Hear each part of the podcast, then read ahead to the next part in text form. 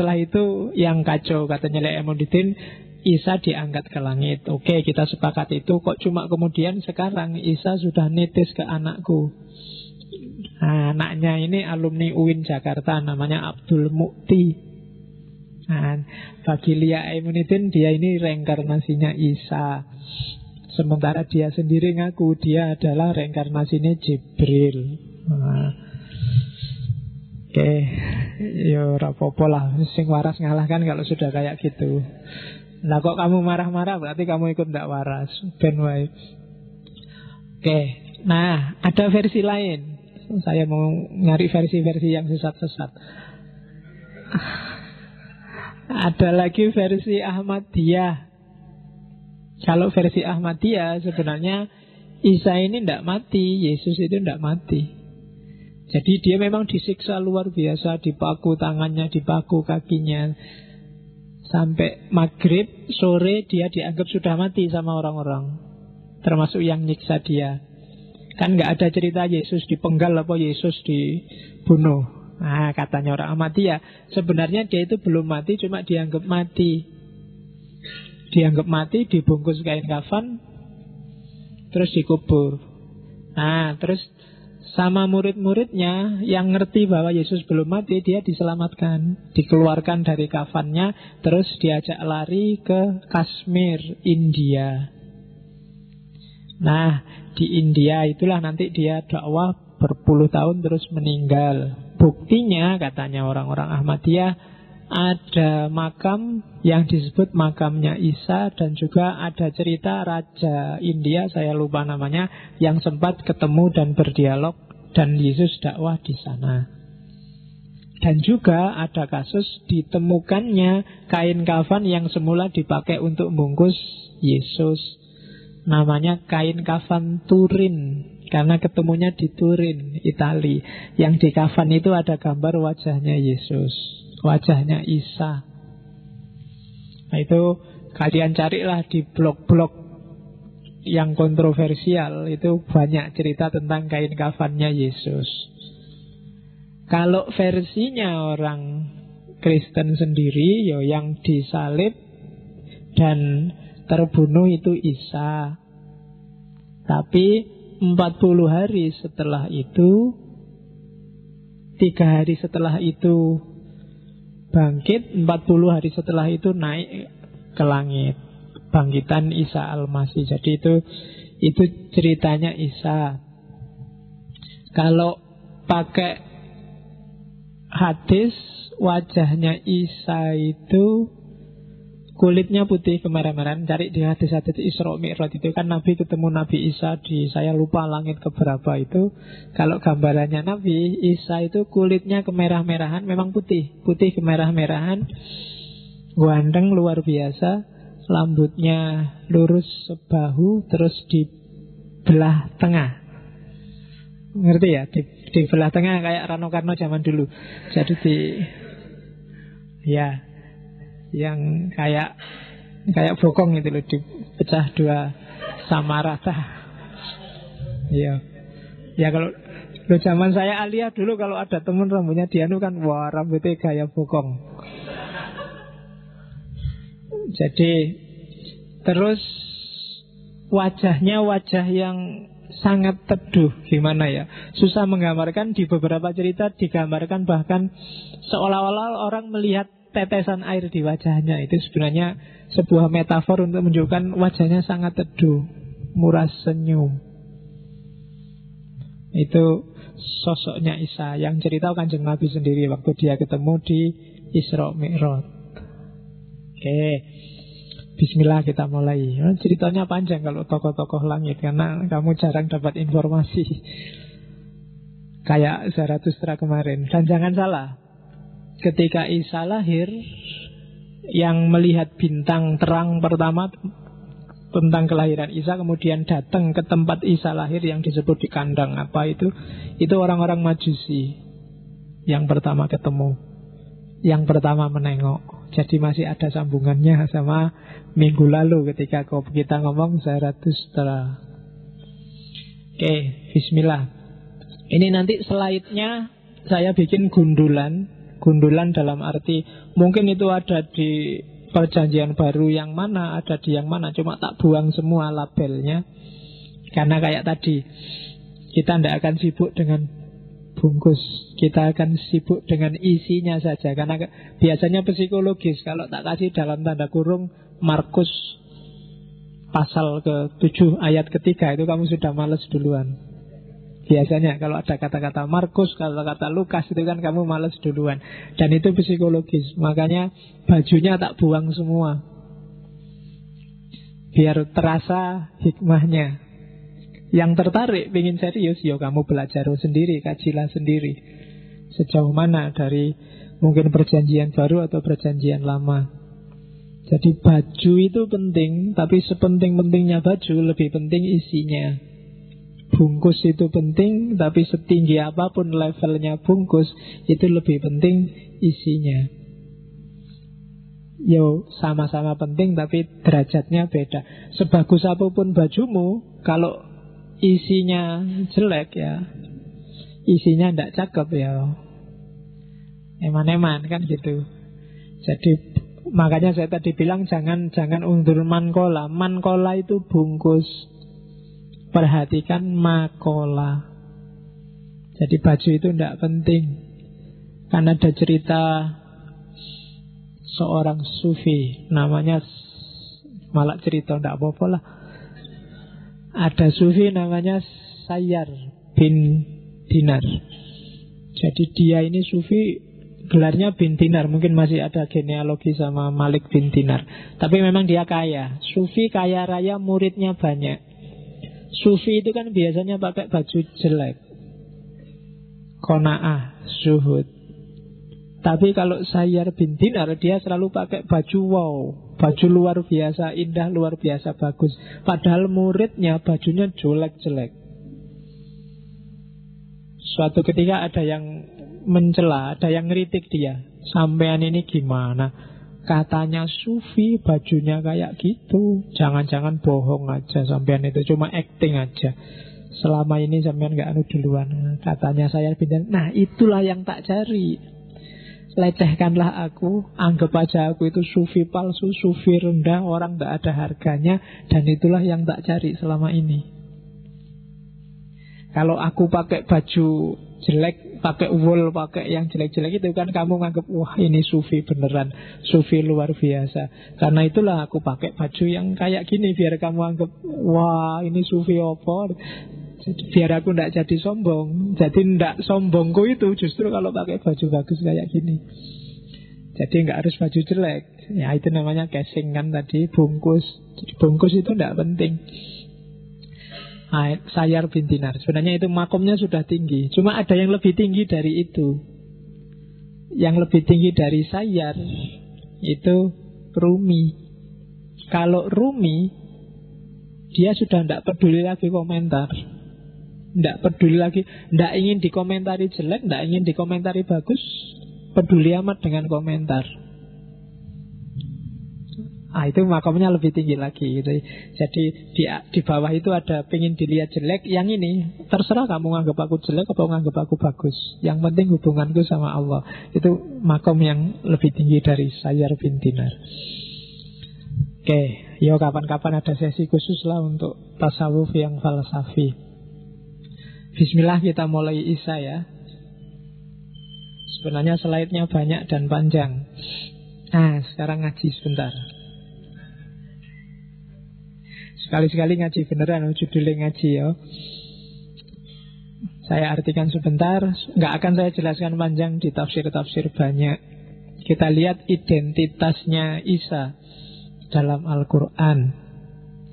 Idkholatil malaikatu ya Maryamu innallaha yubashiruki bikalimatin min husmuhul masihu Isa bin Maryam nalikane wis ngendika sapa al malaikatu malaikat? Lo kan gitu kalau di pondok. Ifkolat lan nalikane ngendika sapa al malaikatu malaikat? Ya Maryamu he Maryam.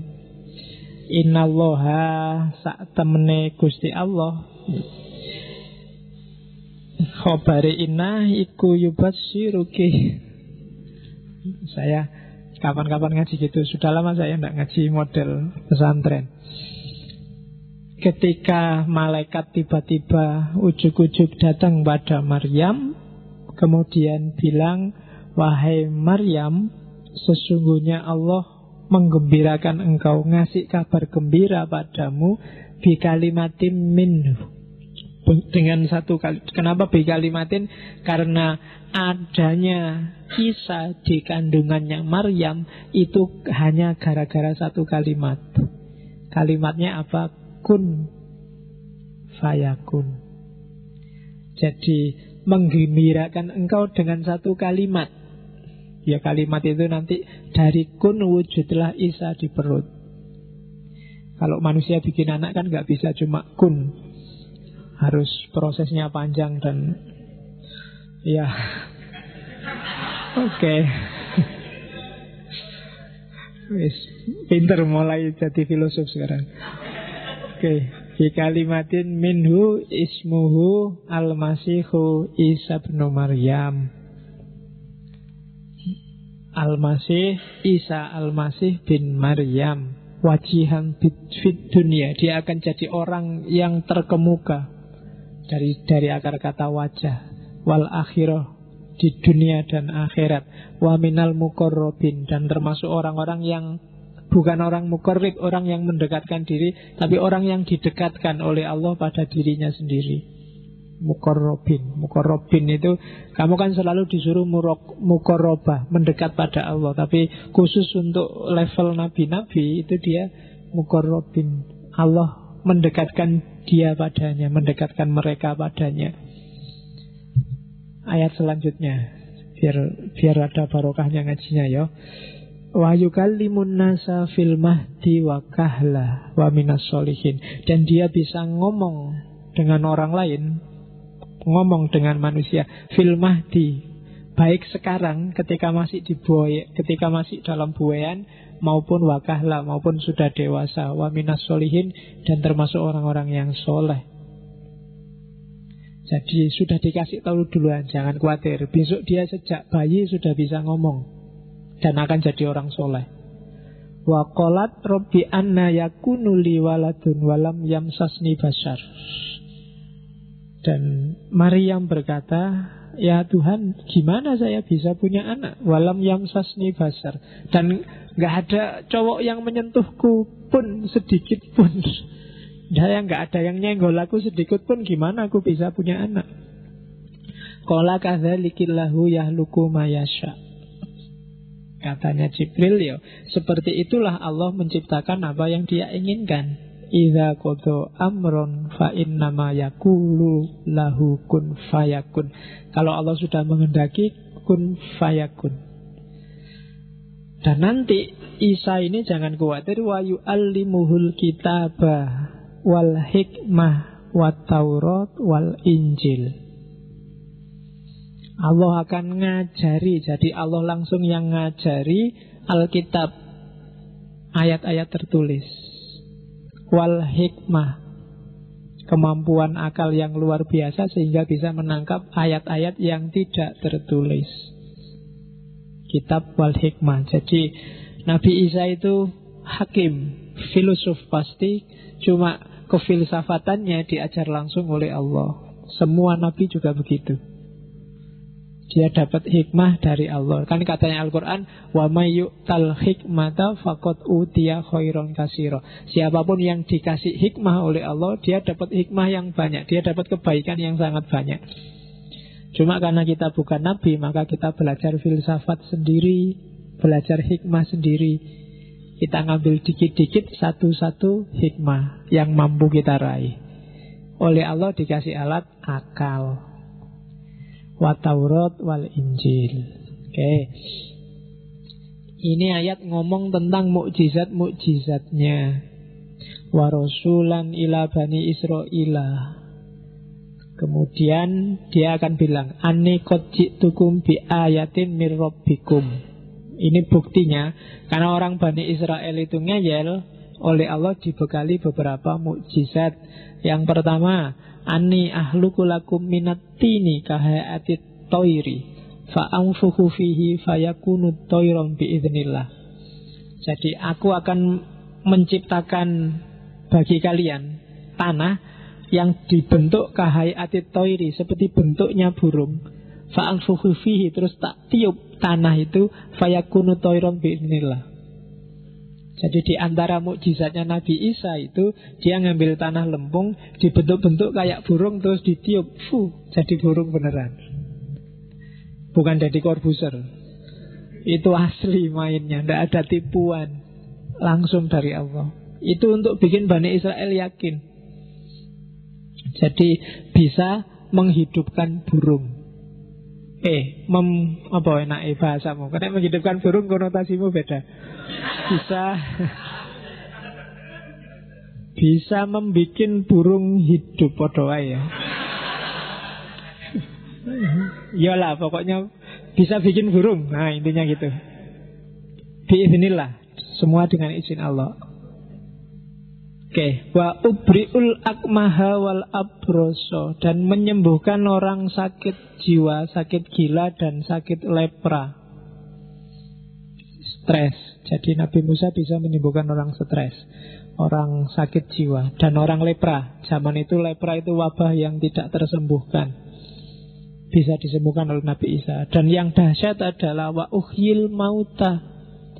Banyak sekali cerita-cerita ketika Nabi Isa menghidupkan orang mati. Semuanya biiznillah. Wa unabbiukum bima takulun wa ma tadakhirun fi buyutikum. Dan aku bisa menginformasikan apa yang kamu makan, apa yang kamu simpen di rumahmu. Kamu datang padaku, ah, tadi kamu mesti makannya di angkringan, habis nasi kucing tiga, tapi ngomongnya dua, kemudian itu Nabi Nabi Isa bisa. Apa yang kamu makan, apa yang kamu simpen di rumah, itu bisa nebak.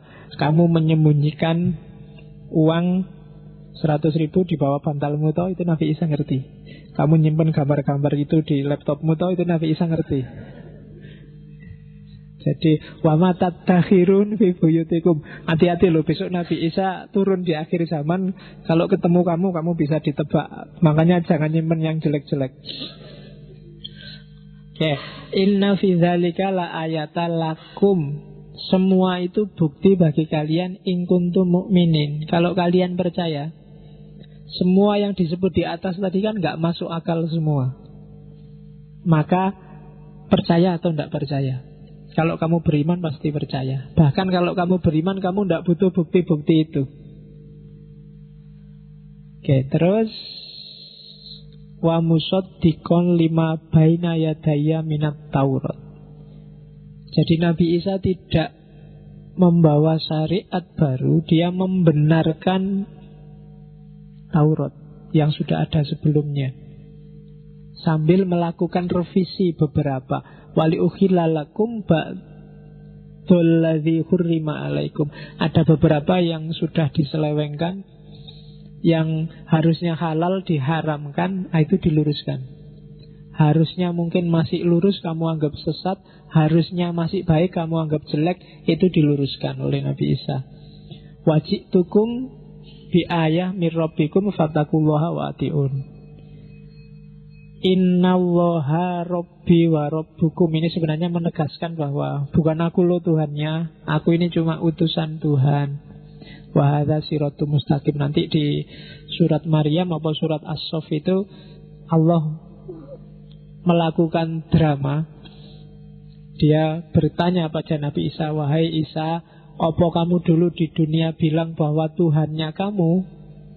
Kan terus Nabi Isa bilang Tidak ya Allah. Seandainya aku ngomong panjenengan kan juga sudah ngerti. Tidak perlu tanya saya. Oke. okay. Ini yang tentang Hawariyun. Falamma ahasa Isa minhumul kufro. Kola man ansori ilallah. Setelah Isa merasa dakwahnya kok tidak terlalu sukses ya. Banyak yang masih kufur. Terus Isa bilang, man ansori ilallah. Siapa yang mau nolong saya? ilallah, berhadapan dengan Allah. Qolal hawariyuna nahnu ansarullah. Tadi 12 sahabat tadi yang disebut hawariyun bilang kita lah yang akan nolong. Aman nabilah kita beriman pada Allah washhad dan bersaksilah dan saksikanlah bi anna muslimun. Kalau hari ini ada dai yang bilang ishadu bi anna muslimun, itu kalau bagian dari ayat ini sebenarnya itu niru-niru orang Hawariyun, anak buahnya Nabi Isa. Bukan Islam Islam hari ini yang kamu maksud. Oke, yang helmnya ngadep ke atas silahkan diluruskan. Daripada kamu nanti mandi. Oke, Robbana amanna bima anzalta wa tabakna rasula faktubna ma'as syahidin. Itu doanya ini saya sebut sekalian tak tambah satu surat As-Sof. Seperti apa sih posisinya Nabi Isa itu? Wa idkola Isa ibn Maryam ya bani Israila inni rasulullahi ilaikum. Posisiku musaddiqal lima baina yadayya minat Taurat. Tugasnya musaddiq membenarkan Taurat. Yang kedua apa? mubasyirong birosulin yakti mimba dismuhu Ahmad jadi Nabi Isa itu punya dua tugas. Yang pertama meluruskan penyelewengan terhadap Taurat. Yang kedua memberi kabar gembira bahwa besok akan datang Nabi setelah aku namanya Ahmad. Muhammad. Kemarin waktu maulud sudah saya jelaskan rahasia nama Ahmad Cuma karena yang dihadapi ini orang Bani Israel Falamma ja'ahum bil bayinat Ketika bukti-buktinya jelas bahwa bukti Nabi Isa itu Nabi Bahkan belakangan juga terbukti benar datang Nabi namanya Ahmad Muhammad Qalu hadha sihrum mubin. Orang Bani Israel itu bilang ini adalah sihir yang nyata. Ah, ini mesti bikinan, ini mesti sihir. Oke, itu ngaji kita tentang Isa yang dari Al-Quran. Biar nanti nggak dimarahi orang-orang. Kok referensi ini Injil semua, Bible semua. Ada Qurannya loh, jangan khawatir. Oke, itu versi Al-Quran. Jangan salah, Nabi Isa disebut lebih banyak daripada Nabi Muhammad kalau dalam Al-Quran. Ranking satu Nabi yang paling banyak disebut Al-Quran itu Nabi Musa. Ranking dua Nabi Isa. Ranking tiga nggak ada pialanya jadi nggak usah disebut. Oke, Bismillah sekarang kita mulai masuk ke beberapa ajaran yang menurut saya agak umum dan universal dari Isa